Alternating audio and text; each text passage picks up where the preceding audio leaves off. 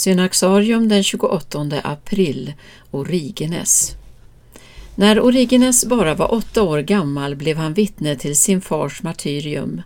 Händelsen gjorde djupt intryck på honom och blev avgörande för att han själv kom att ställa hela sitt liv och sin begåvning i Guds tjänst.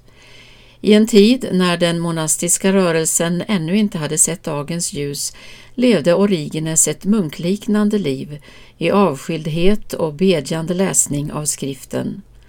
Hans predikningar och tolkningar av Bibeln hör till de mest originella och djupgående i den tidiga kyrkan och har gjort honom till en av alla tiders främsta bibelutläggare.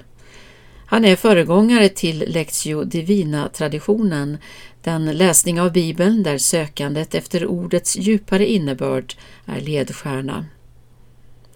Ryktet om Origenes förmåga att leda människor in i Bibelns värld gjorde att han snart fick inbjudan från olika biskopar att besöka deras församlingar för att undervisa. Han gjorde en rad längre predikoresor och besökte bland annat Rom, liksom Antiochia, där han gav kejsarmodern privatlektioner i kristen tro. Hans myckna resande ledde dock till en konflikt med hans egen biskop i Alexandria. Denne förbjöd honom att uppträda offentligt och ogiltig förklarade den vigning till präst han fått i Palestina.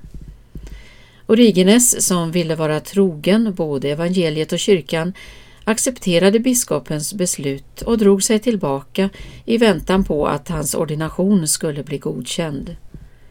Så småningom fick han tillåtelse att återuppta sin verksamhet med undervisning och predikan. Under den senare delen av sitt liv flyttade han till Caesarea där han byggde upp en teologisk skola som blev en viktig bildningsmiljö för många av kyrkans framtida ledare. I den förföljelse som bröt ut under kejsar Decius på 250-talet hörde Origenes till de kristna ledare som fängslades och fick utstå tortyr. Han överlevde och frisläpptes men dog en tid senare i sviterna av den våldsamma behandlingen under fångenskapen.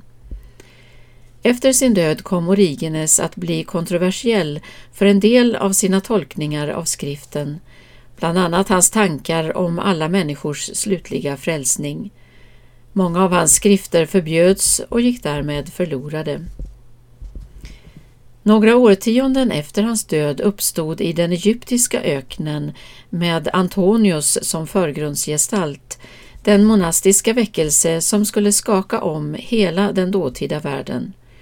Origenes kom att bli ökenväckelsens främste teolog och därmed den viktigaste inspiratören för många av dem som på radikalaste tänkbara vis på den knivsägg där det högsta och det lägsta ligger tätt intill varandra ville älska Jesus mer.